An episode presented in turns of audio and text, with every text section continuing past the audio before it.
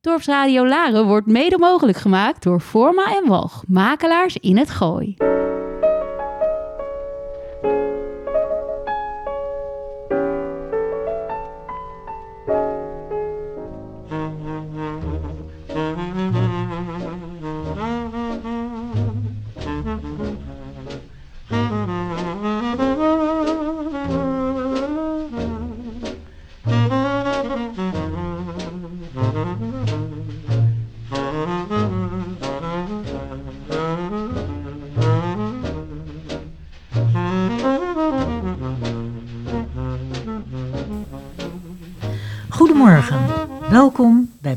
Praatvogels aflevering 24. Elke zondag om 11 uur vertellen wij u verhalen van Haat en liefde. Verdriet en vreugde. Zin en onzin. en dood en leven.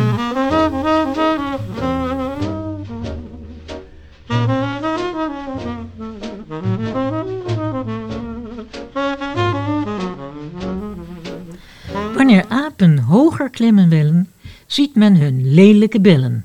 Dit oud-Hollandse spreekwoord geldt niet alleen voor Donald Trump, Vladimir Poetin en Victor, pardon, Orban, maar ook voor Lance Armstrong, Boris Becker en vele andere beroemdheden. Dat sporters in hun tomeloze ambitie nog wel eens over hun eigen en andermans grenzen heen gaan, bespreken wij in het hoorspel Duel op 8000 meter. Naar een verhaal van Frank Westerman uit zijn bundel Te waar om mooi te zijn.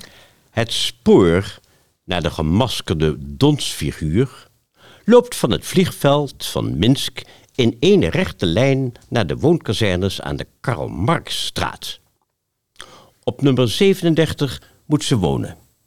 De ontregelende robot, die Himalaya-bedwinger Bart Vos hinderlijk op de hielen heeft gezeten.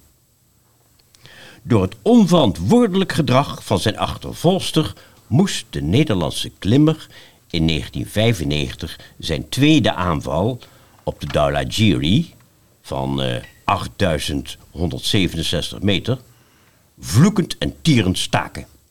Met de top binnen handbereik. De mysterieuze klimster had een naam. Irina Vialenkova. En als ze niet ergens in een Nepalees ravijn lag, ook wel een woonplaats. Met een paar telefoontjes kon ik haar coördinaten achterhalen. Ze is haar voeten kwijtgeraakt door bevriezing, gonsde het in het bergsportwereldje. Geamputeerd tot aan de enkels. Met details over zwarte gemummificeerde tenen die je zo knap, knap, knap van haar wreef af had kunnen afbreken.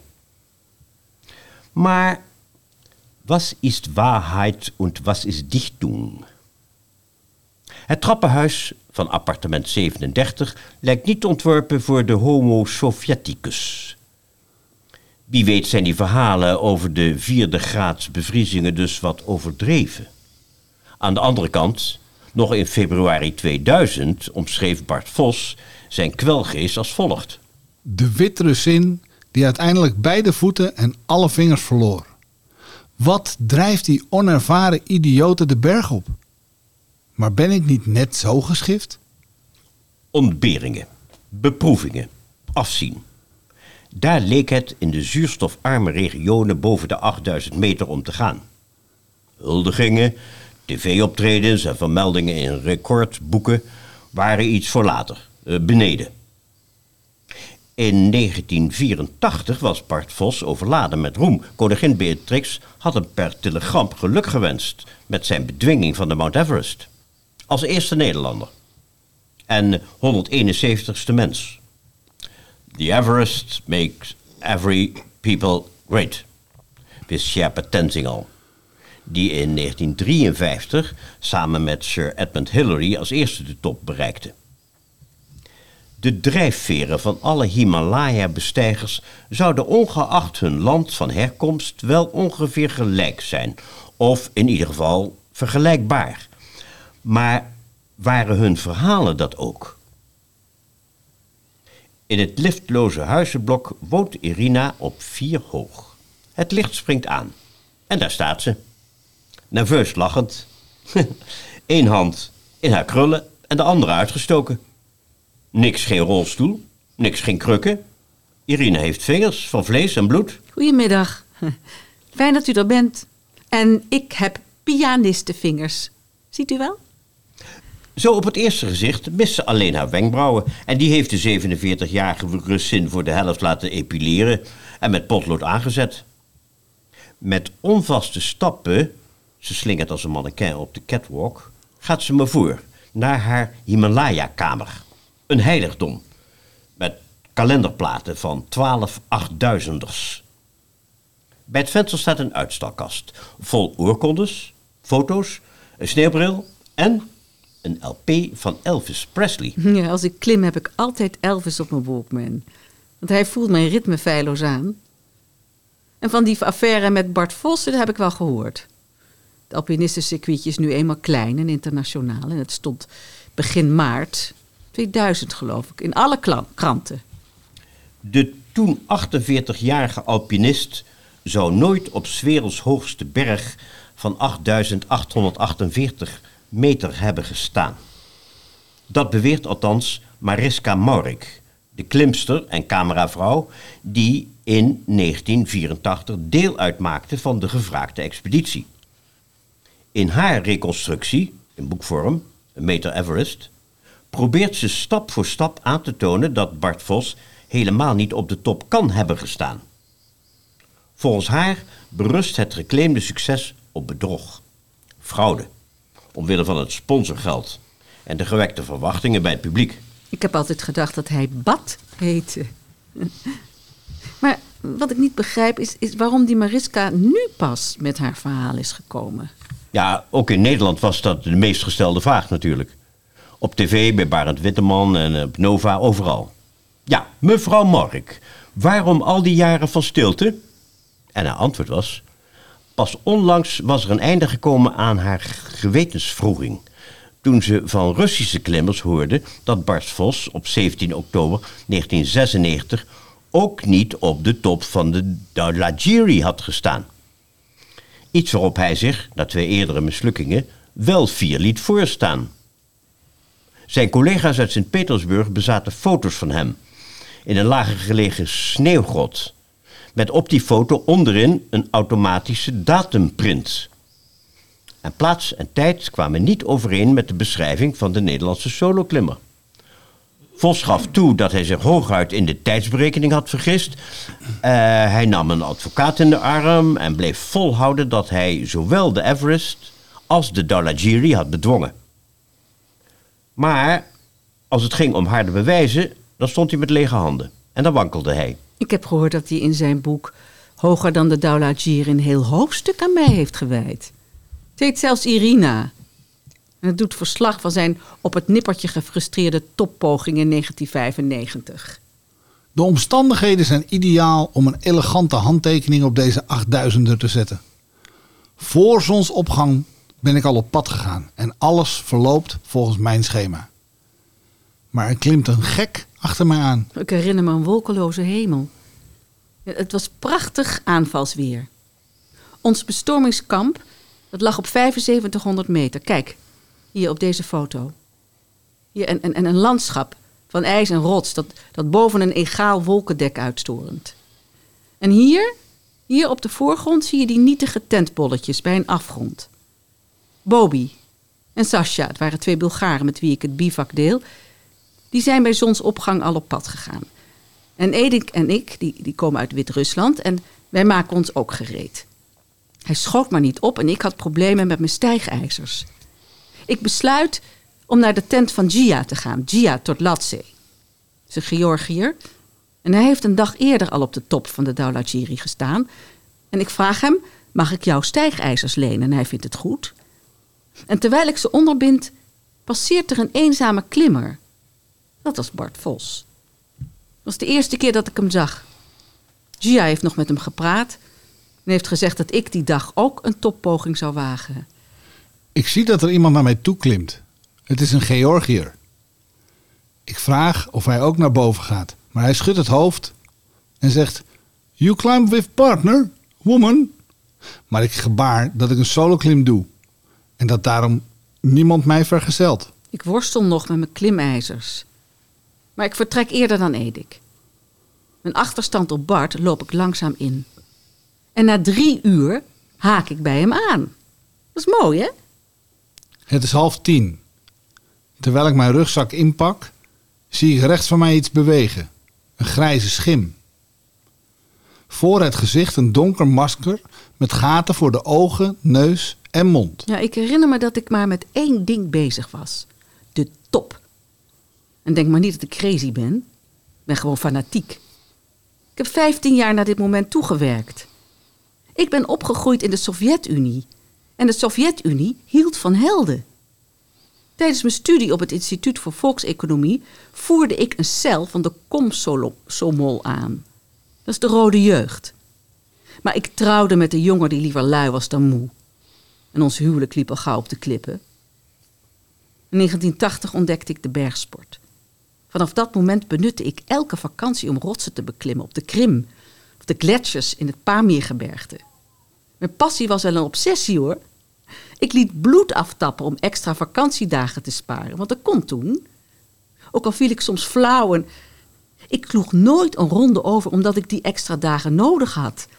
Om te trainen. Dan vallen de bewegingen mij op. Die kan helemaal niet klimmen, roep ik naar het dal. Idioot, gebruik je voeten. Irina haalde de diploma's en certificaten die haar uitriepen tot de beste klimster van Wit-Rusland. Nadat ze in 1998 al driemaal op de hoogste berg van de Sovjet-Unie, de piek van het communisme van 7495 meter, had gestaan, lonkte de Himalaya. Om politieke redenen waren de Russen laatkomers in het grensgebied van Nepal en China. Pas na Gorbachevs glasnost en perestroika zijn ze er welkom. Bijna alle denkbare records waren in die tijd al gevestigd. Alleen voor vrouwen lagen er nog primeurs in het verschiet.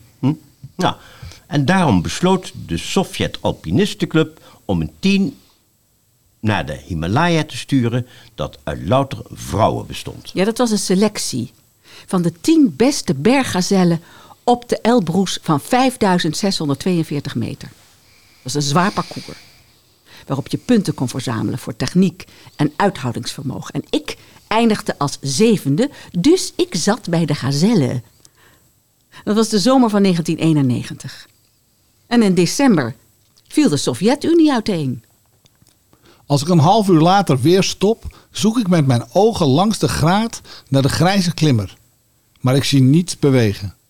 Ik draai me om en zie op nog geen 30 meter afstand de gemaskerde donsfiguur. God, verschreeuw ik. Het grijze dons stopt en zwaait. De vrouwenexpeditie werd geschrapt. Maar toch lukt het mij aan te haken bij een negenkoppige ploeg, waarvan alle leden op 8 oktober 1992 op de Shisha Pangma 8013 meter hoog stonden. Twee jaar later, in 1994, was ik een van die drie Oost-Europese klimsters. Geen enkele vrouw had die top tot nu toe betreden. Die toch, tocht verliep tragisch. Eerst verloren we Katja en Alexandra. Hun tent werd s'nachts onder een lawine bedolven. En daarna op 7800 meter is, is Jodanka uitgegleden, mijn Bulgaarse vriendin. Later hebben klimmers haar lichaam gevonden en gefotografeerd. Ze was onthoofd. We herkenden haar aan haar jas, waarop de merknaam van de sponsor stond. Zijn jullie toen omgekeerd? Nee.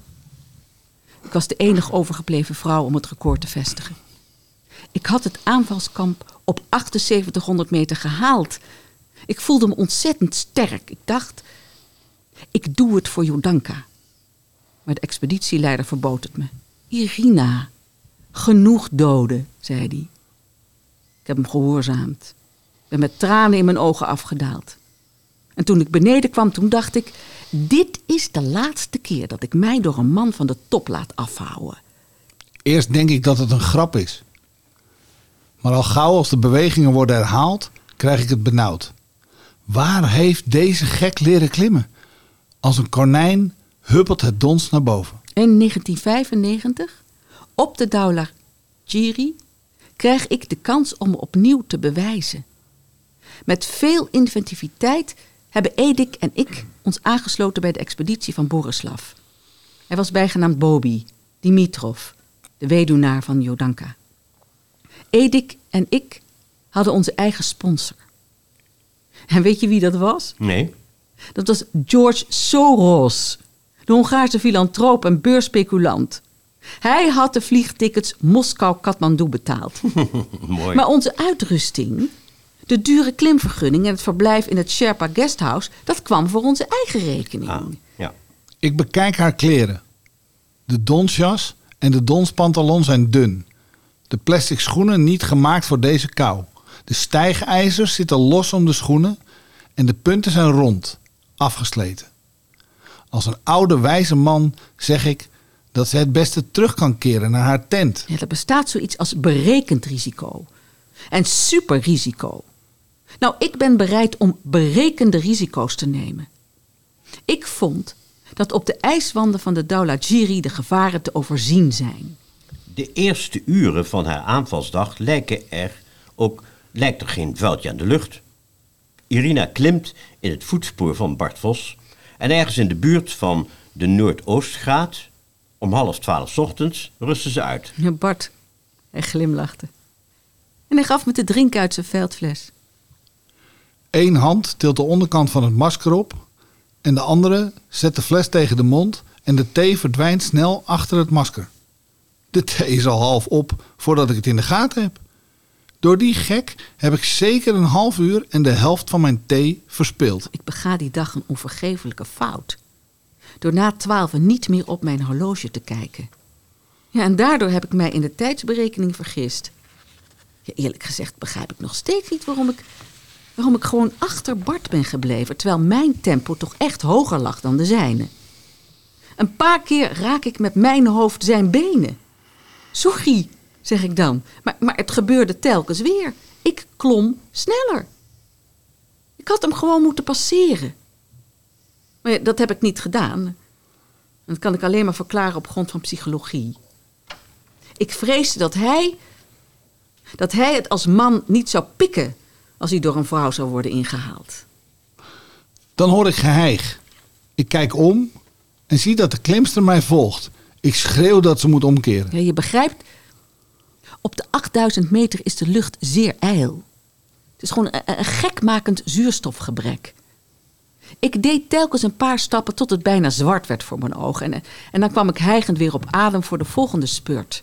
Ja, misschien zag het er niet zo elegant uit, maar, maar het kan mij toch niet schelen hoe- hoe ik naar boven kom?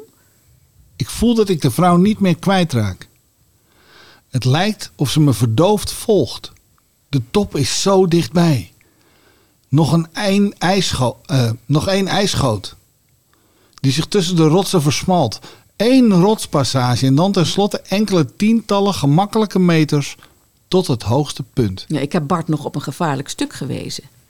Waar het ijs kan losschieten. Let's be careful. En toen heeft hij nog geknikt. En, en na een tweede pauze stel ik als eerste voor om verder te gaan. Maar ik had natuurlijk moeten zeggen: kom op, laten we sneller gaan. Ik klim verder en ga rekenen. Om half zeven is het donker. De donsvrouw heeft geen koplamp.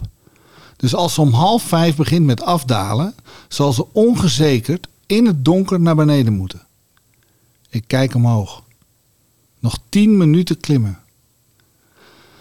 Maar als ik onder me kijk, dan zie ik dat de vrouw verwoede pogingen doet omhoog te komen. Als een ontregelde robot krabbelt ze door. Terwijl ik een haak in het ijs schroef, dringt het tot me door dat het afgelopen is. Ik pak mijn camera, schroef hem op de pikkel, druk op de zelfontspanner. De hoogste foto, minder dan 50 meter onder de top. Het volgende moment ontmoet het tweetal Bobby en Sasha, die even tevoren hun zege hebben geboekt en aan de afdaling zijn begonnen. Ja, Bobby en Sascha die zeiden dat het al half vier was. Daar schrok ik enorm van, want ik was ervan uitgegaan dat het nog geen drie uur kon zijn. Bobby, hij dringt mij erop aan om, om naar beneden te gaan. Die Hollander keert ook om, zegt hij. Omkeren? Hoezo omkeren? Jullie hebben toch ook op de top gestaan, zei ik nog? Ik wil er ook op staan. Hoe lang duurt het nog? Twee uur. Flink aanpoten, zegt Bobby. Ik bedenk me niet. En ik denk, dat doe ik dus in anderhalf uur. Ik passeerde Bart en die zei, ik ga naar beneden. En ik knikte en ik zei, ik ga naar boven. Ik leg uit waarom ik afdaal en dat ze me moet volgen. Ze knikt. Na vijf minuten kijk ik omhoog en zie ik tot mijn verbijstering dat ze me niet is gevolgd, maar nog steeds pogingen doet om omhoog te krabbelen. Ik schreeuw dat ze moet stoppen. Dan geef ik het op en ga naar beneden. En dat laatste stuk heb ik in 1 uur en 40 minuten afgelegd. Om kwart over vijf stond ik op de top. Ik heb geen berekende risico's genomen. Ik heb super risico's genomen. En het is een wonder dat ik dit nog kan, kan navertellen. Heb je ook foto's genomen? Ja. Ik droeg een Kodak-toestelletje in mijn donsjas. Ik heb het uit de hand met mezelf op de voorgrond het hele panorama vastgelegd. Maar ja, helaas kan ik je niet laten zien. Het rolletje ligt met camera en al ergens in de gletsjerijs. Bij de afdaling met alle spullen van het aanvalskamp op mijn rug heb ik van uitputting alle ballast af moeten werpen. Irina vindt het doodzonde, maar benadrukt ze nog maar een keer. Het is überhaupt een wonder dat ik dit kan navertellen. Om half zeven wordt ze namelijk overvallen door de duisternis. Ze kan geen stap meer zetten. Ergens op een richel, boven de 8000 meter, verankert zij haar pikkel en bindt ze zichzelf vast om niet te vallen. De volgende 13 uur vecht ze tegen de bevriezingsdood. Het is die nacht min 35 graden. Als na een paar uur de maan opkomt, verplaats ik een voet. Ik glij weg en, en ik roets bijna de diepte in. Steeds zag ik Jodanka voor me. Later ook mijn overleden moeder. Door te zingen en te dansen met mijn heupen probeer ik de kou te verjagen. Mijn voeten voel ik niet meer. En dan, dan begin ik onbedaarlijk te klappertanden en ik besef dat ik in een ijspilaar kan veranderen. Ik, ik vermoed dat ik door de schrik en, en, en, en door de vrijgekomen adrenaline weer uit die huivering ben gekomen. Om half acht, bij zonsopgang, klim ik langs de wand van de Daulagiri omlaag. Het nieuws van haar dood is haar niettemin al vooruitgesneld. Edik, Bobby en Sasha hebben haar al opgegeven. De Georgiër Gia heeft gehuild. De volgende morgen hoor ik voor mijn tent een stem. Het is die vrouw. Voor het eerst zie ik haar echt. Blond haar, een krachtig gezicht. De punt van haar neus, de vingers van één hand en beide voeten zijn bevroren. Hé Dick, mijn teamgenoot blijkt te zwak en te misselijk om overeind te komen. Hij ligt met koorts in zijn tent op 7500 meter. Ik moet dus op eigen kracht verder afdalen. In kamp 3 trek ik voor het eerst mijn schoenen uit. Mijn sokken zaten aan mijn huid vastgevroren. Om zo snel mogelijk bij de Bulgaarse arts te komen, loopt Irina in één ruk door. Een paar keer valt ze voorover in de sneeuw. En tegen de avond van de volgende dag strompelt ze het tentje van de eerste hulp binnen. Ja, ik wist toen niet dat dat mijn laatste passen in twee en een half jaar, dat ik die aan het zetten was. Terug in het basiskamp hoor ik haar naam. Irina Vialenkova. Ik zie haar daar kort. Ze is te versuft van de morfine om te spreken. Tijdens de tocht naar de berg en tijdens de beklimming heeft ze anderen gesart en zich gehaat gemaakt. Geen Bulgaar voelt zich verantwoordelijk voor haar. Irina laat me de foto's zien van de Bulgaarse arts Karina, die zich over haar tenen ontfermt. Ze zijn zwart uitgeslagen en gezwollen en hebben de broosheid van een natte broodkorst. En dan vertelt ze over de terugtocht op de rug van een Sherpa. Om daarna moeiteloos over te schakelen op haar ongeknakte drang naar records. Mijn vrienden hebben uitgerekend dat ik na de Daulagiri op de veertiende plaats stond in het vrouwenklassement. In de Who is Who van Wit-Rusland sta ik vermeld als de eerste landgenote die in 1995 zonder zuurstof de Daulagiri heeft beklommen. En ik ben houdster van een nog een record. Bij mijn weten ben ik de enige vrouw die een nacht boven de 8000 meter heeft overleefd. 19 dagen na die weinig benijdenswaardige prestatie belandde Irina eindelijk in een ziekenhuis in Moskou. Ze onderging 14 operaties. Na de amputatie van haar tenen en rechterhiel hadden de chirurgen de rest van haar voeten weer opgelapt met weefseltransplantaties uit haar billen en onderrug en armen. Ja. In 1997, op mijn 45ste, heb ik opnieuw leren lopen. En tegenwoordig draag ik weer laarsjes met een hak. Maar pumps, dat gaat nog niet. Als onderdeel van haar wederopstanding heeft ze zich alweer drie keer op eigen kracht op de 5642 meter hoge Elbrus gehesen. Afdalen doet ze nu eens per ski en dan weer per hangglider. En ik spaar voor een nieuwe klimuitrusting. Maar ja, dat schiet niet heel erg op met mijn salaris van 250 dollar per maand. Als boekhoudster bij een meubelfirma. Ik wil hoe dan ook de piek van de overwinning van 7456 meter beklimmen. Die ligt op het drielandenpunt van Kazachstan, Kirgizië en China. Ik wil eerst mijn comeback maken en daarna hoop ik mijn privéleven op orde te krijgen. Spijt van ons Dalajiri-avontuur heb ik niet. Of het moet zijn dat ik na twaalf uur niet meer op mijn horloge heb gekeken. Maar had je het advies van Bart Vos om tijdig om te keren niet beter in acht kunnen nemen? Ik heb dat zo ontzettend raar gevonden dat hij tegen mij schreeuwde dat ik terug moest gaan. Ik heb dat toch ook niet tegen hem geroepen? Ga terug of je moet omkeren. Stel je voor dat ik de hele tijd dat tegen hem zou hebben geroepen.